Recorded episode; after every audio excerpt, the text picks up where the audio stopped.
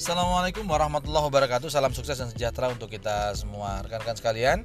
Ketemu lagi dengan saya Samsul Hatta dalam uh, audio learning podcast Di mana dalam kesempatan kali ini kita akan ngobrol-ngobrol tentang 24 hours of effective people. Jadi 24 jam orang-orang yang efektif. Oke rekan-rekan sekalian uh, Materi ini sebenarnya adalah materi pelatihan yang sering saya bawakan Dan memasuki Ramadan ya persiapan memasuki bulan Ramadan tahun 2019 ini saya sempat bawakan di webinar pada saat itu ya. Dan alhamdulillah ada cukup banyak yang uh, mengikuti. Namun kemudian sekarang saya buat lagi versi podcastnya ya. Mudah-mudahan teman-teman yang mungkin pada saat itu belum sempat mengikuti bisa mengikuti podcast ini. Insya Allah bisa mendapatkan insight yang uh, mungkin insight yang berbeda atau mungkin ya mengingatkan kembali atas apa-apa yang mungkin teman-teman sudah pernah tahu tentang manajemen waktu. Baik rekan-rekan sekalian, ketika kita berbicara tentang 24 hours, 24 hours, uh, pasti kita akan berbicara tentang waktu di sini, kan? Gitu ya. Kenapa? Karena memang uh, menarik ya. Saya sendiri ketika berbicara tentang waktu ini adalah sesuatu yang apa ya, yang yang cukup menarik dari beberapa materi yang mungkin pernah saya bawakan atau beberapa obrolan yang pernah saya uh, sampaikan mungkin ini menurut saya ini yang paling menarik. Uh, karena ketika kita berbicara tentang waktu ini hal yang unik. Hal yang kemudian menjadi uh, sesuatu yang uh, apa ya spesial untuk kita. Kenapa rekan-rekan sekalian? Ya karena waktu itu adalah sesuatu yang kalau menurut saya ya, menurut saya waktu itu adalah sesuatu yang membatasi. Ya, waktu adalah sesuatu yang membatasi, membatasi aktivitas kita. Nggak ada orang yang kemudian misalnya apa aktivitasnya ngejim, ngejim 24 jam terus-terus tanpa berhenti nggak mungkin, gitu ya. Maka dia dibatasi oleh waktu. Ada aktivitas kantor misalnya, tetap aja ada jam pulang kantor, ada waktunya, ada batasannya uh, aktivitas-aktivitas apa pun kita dibatasi oleh waktu bahkan yang paling uh, uang yang paling utama adalah hidup kita sendiri pun dibatasi oleh waktu gitu ya. Di mana ketika sudah sampai waktu kita maka kita akan dipanggil kembali menghadap sang pencipta. Rekan-rekan sekalian yang berbahagia uh, setiap kita pasti mendapatkan waktu yang sama. Saya rasa tidak ada yang tidak sepakat untuk hal ini gitu ya. Kita masing-masing mendapatkan 24 jam. Ya 24 jam tidak lebih sedetik pun tidak kurang sedetik pun Nggak ada kemudian uh, mentang-mentang dia seorang CEO perusahaan multinasional misalnya lantas dia mendapatkan ya udah kalau karena ini CEO orangnya orang uh, apa uh, ter apa namanya orang besar orang terpandang misalnya pejabat misalnya maka oke okay lah kalau begitu dia dapat 24 jam seper, seperempat ya 24 seperempat jam ya. 24 jam seperempat jam artinya 24 jam 15 menit nggak ada. Atau bahkan 24 jam satu detik pun nggak ada. Gitu. Mau siapa pun. Atau jangan sampai ah kasihan nih dia uh, mohon maaf apa misalnya ya pedagang keliling misalnya. Ya udahlah dikasih waktunya 23 jam setengah supaya nggak capek-capek amat gitu ya. Misalnya ini misalnya saja teman-teman sekalian. Nah nggak mungkin itu adalah hal yang nggak mungkin. Artinya kita semua sepakat bahwa setiap manusia setiap kita siapa pun kita pasti mendapatkan jatah waktu 24 jam. Ya 24 jam. Oke sekarang apa yang membuat 24 jam kita berbeda satu sama lainnya? Gitu ya. Apa sih yang membuat 24 jam kita berbeda satu sama lainnya? Jawabannya adalah kualitas dari 24 jam yang kita lewati. Ya. Ada orang yang kemudian 24 jamnya dia lewati dengan melakukan hal-hal yang bermanfaat baik bagi dirinya maupun bagi orang lain. Dan kemudian ada juga orang-orang yang melewati 24 jamnya dengan gak tahu mau ngapa-ngapain sampai ada istilah apa membunuh waktu ngapain ini lagi santai-santai aja nih lagi ngebunuh waktu gitu misalnya. Atau lagi menghabiskan waktu gitu. Nah ada orang yang menghabiskan waktu. Ya artinya dia ada waktunya pengen dihabisin gitu. Ada orang malah nggak menghabiskan waktu tapi justru kekurangan waktu. Ya. Aduh stres nih kenapa ini? Sudah deadline. Uh, kerjaan belum beres gitu. Waduh kayaknya aduh waktunya kurang nggak nggak terasa udah jam segini aja gitu. Ada yang 24 jam bahkan kurang minta bonus misalnya 10-15 menit atau mungkin satu jam misalnya jadi 5, 25 jam misalnya. Gitu ya.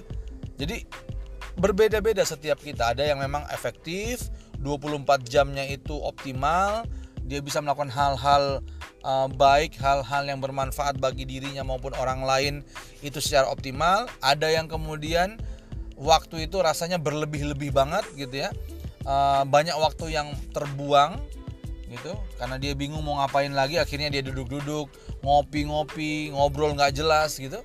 Tapi ada orang yang kemudian kekurangan waktu waktu yang dilakukan atau waktu yang dia dia jalani wah kayaknya kurang nih. Dia dikejar-kejar oleh pekerjaan dan aktivitasnya bisa jadi jadi kualitas yang kemudian membedakan penggunaan waktu kita bagaimana kita bisa uh, menjalankan setiap waktu yang kita miliki dalam 24 jam itu dengan aktivitas-aktivitas yang yang efektif, yang bermanfaat, yang produktif, yang bermanfaat bagi baik bagi diri kita maupun bagi orang lain. Gitu ya. Uh, waktu di webinar kemarin uh, beberapa hari yang lalu menjelang uh, masuk Ramadan gitu ya karena persiapan Ramadan saya membahas atau mengutip satu ayat dalam Al-Qur'an yaitu surat Al-Asr di mana dikatakan bahwa demi masa ya wal asr wal asr itu demi masa demi waktu ya. Kalau saya pernah mendengar uh, kajian uh, Quran dari ustadz salah satu ustadz yang terkenal juga mereka dia mengatakan bahwa uh, wal asr itu bukan waktu asar bukan hanya satu waktu waktu sore bukan tapi wal asr asr itu maksudnya adalah waktu di mana kita berada di dalamnya dan kita beraktivitas di dalamnya. Jadi setiap saat setiap menit setiap detik bahkan setiap apa lebih kecil dari detik lah mili detik misalnya ya. Semua waktu yang kita lewati itu disebut dengan wal asr demi waktu atau demi masa gitu ya dikatakan bahwa Innal insana lafi khusr. Sesungguhnya manusia itu dalam keadaan merugi. Ya. Illal ladzina amanu kecuali orang-orang yang beriman. Wa amilus solihat ya, dan beramal soleh. Nah, ini yang jadi pokok bahasan kita nanti. Ya, wa tawasau bil haq, mengingat mengingatkan dalam uh, yang hak, dalam kebaikan. Wa tawasau bis sabr, ingat mengingatkan dalam kesabaran. Nah, rekan-rekan sekalian, mungkin yang beragama uh, lain silahkan nanti diikuti saja ya atau mungkin mencari referensi yang berbeda tapi uh, saya rasa ini ini uh, sifatnya umum ya. Yuk kita lihat. Di sini dikatakan bahwa uh, kita tuh defaultnya rugi. Jadi defaultnya rugi. Ya. Waktu yang kita jalani dari mana keseharian yang kita lewati waktu, uh, setiap saat, setiap masa, setiap waktu itu kita defaultnya rugi kecuali ya dalam surat ini katakan kecuali mereka yang beriman yang beriman adalah dia melewati waktunya dan dia meyakini bahwa dalam setiap aktivitasnya ada kebesaran Allah kebesaran Tuhan kemahakuasaannya kemahaesaannya kemaha uh, pemurahnya kemaha uh, baiknya kemaha pengasih dan maha penyayangnya dan lain-lain. Ya jadi dia melewati waktunya dengan meyakini hal itu. Kemudian dia juga beramal soleh ya amal soleh ini waktu itu yang pada saat uh, kajian itu dikupas adalah amal soleh bukan hanya sholat bukan hanya uh, puasa bukan hanya sedekah tapi amal soleh adalah setiap aktivitas yang ber, uh, bermanfaat baik bagi kita bagi orang itu sendiri maupun bagi orang lain yang sesuai dengan tuntunannya atau sesuai dengan perintahnya gitu. Nah, perintah Tuhan maksudnya ya.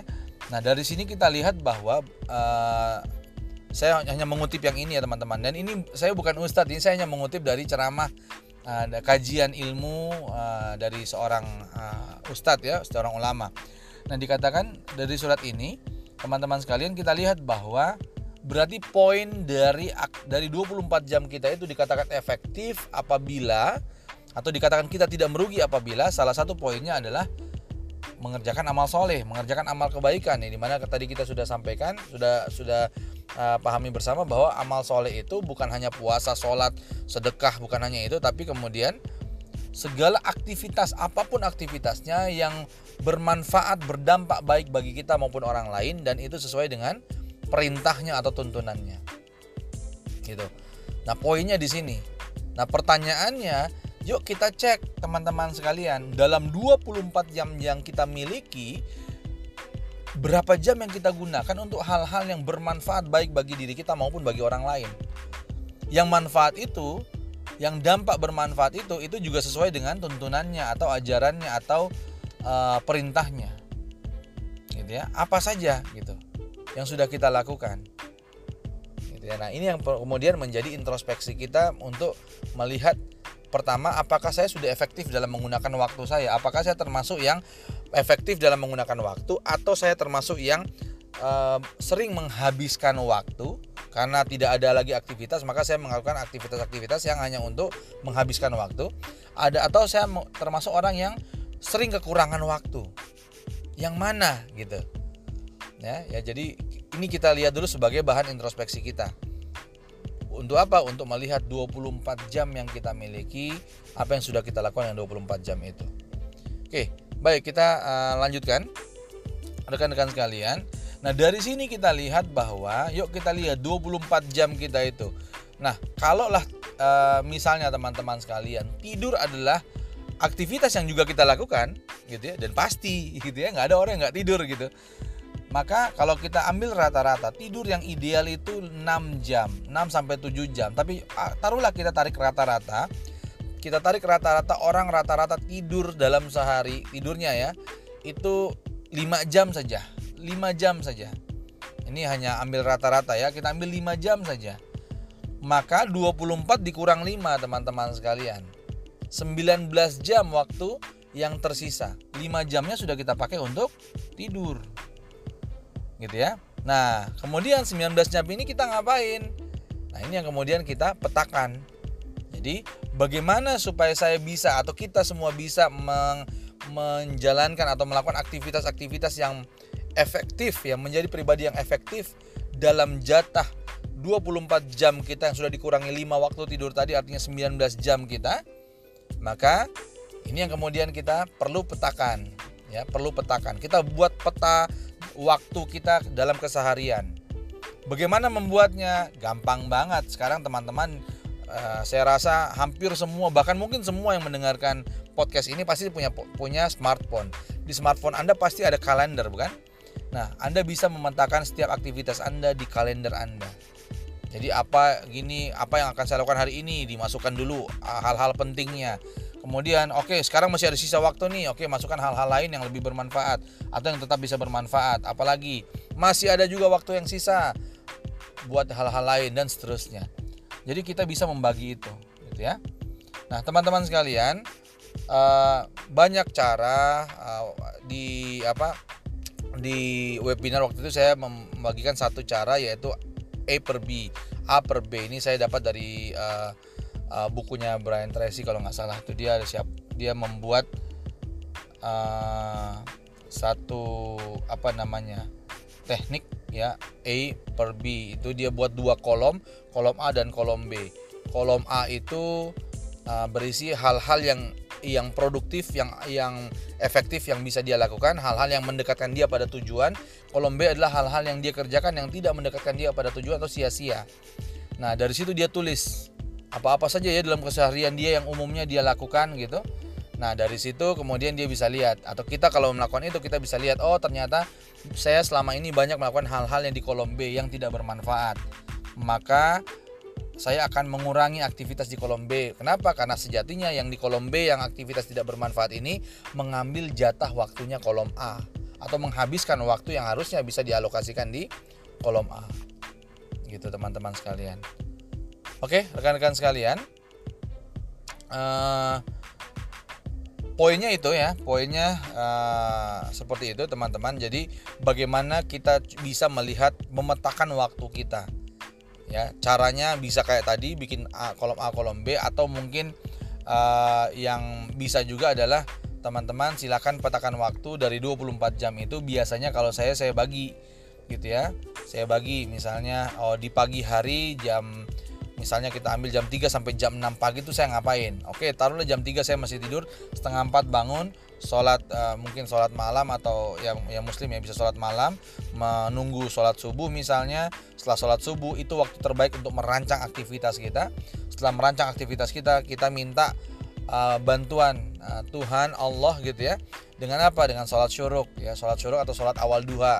Nah setelah itu baru beraktivitas. Kemudian sampai di jam 6 uh, uh, ke atas mulai aktivitas kemudian sampai jam 9 atau jam 10 break sejenak untuk kemudian uh, beristirahat sejenak gitu ya. Nah, beristirahat sejenak mungkin bisa sholat duha lagi atau kemudian ya mungkin sambil santai-santai duduk karena butuh tubuh kita juga butuh istirahat. Kemudian uh, setengah jam mungkin kita aktivitas lagi sampai siang.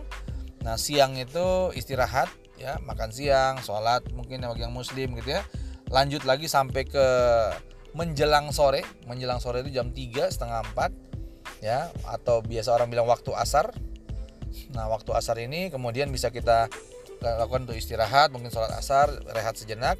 Kemudian menyelesaikan sisa aktivitas kita ya. Sampai di waktu sore selesai pulang ke rumah ya pulang ke rumah. Kenapa? Karena di rumah itu ada keluarga yang menunggu kita juga perlu membagikan waktu kita untuk mereka. Maka waktu di malam hari ya malam hari itu efektif untuk kita optimalkan bersama keluarga gitu ya. Dan kemudian uh, setelah sholat isya beberapa jam itu istirahat.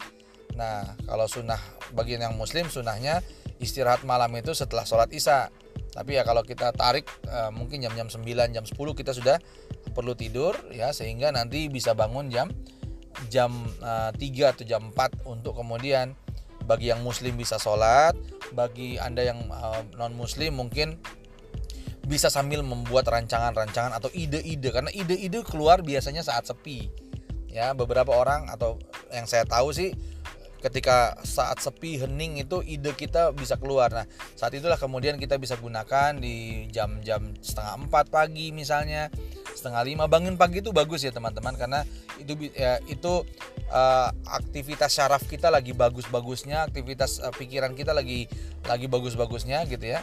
Uh, kemudian kita bisa memunculkan atau mengeluarkan ide-ide dan seterusnya. Kalau saya seperti itu teman-teman atau mungkin cara-cara lain, teman-teman bisa mulai mau melakukan mapping atau pemetaan di kalender masing-masing.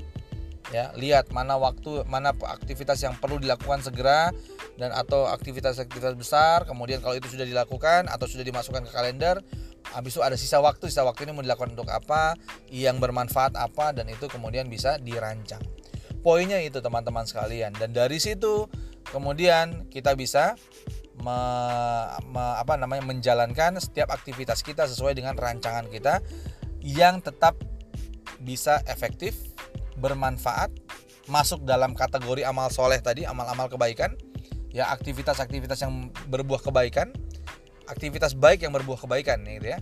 Dan kemudian ketika kita melakukan itu dengan dengan sungguh-sungguh maka kita bisa mendekati apa yang kita ingin capai atau yang kita tuju bahkan kalau kita bisa atau kalau kita sudah menetapkan tujuan sebelumnya dan kemudian kita buat uh, mapping waktunya maka kemudian kita bisa mengoptimalkan seluruh waktu kita untuk apa untuk uh, melakukan aktivitas yang mendekatkan kita pada tujuan dan kemudian juga bermanfaat baik bagi diri kita maupun bagi orang orang lain.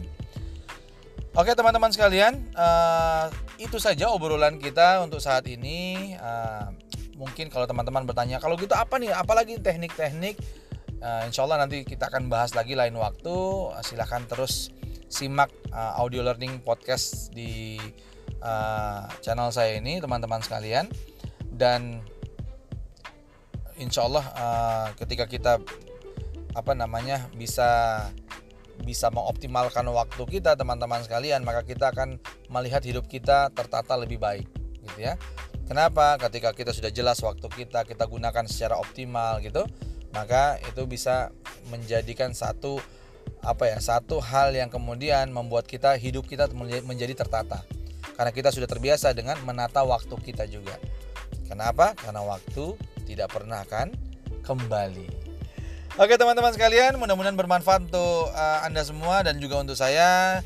Uh, silahkan uh, simak uh, audio learning podcast saya yang lain ya dan kemudian kalau misalnya ada masukan, ada saran, ada hal-hal yang mungkin teman-teman ingin sampaikan kepada saya terkait podcast ini untuk kemudian bisa meningkatkan produktivitas uh, podcast ini nanti ke depannya gitu ya.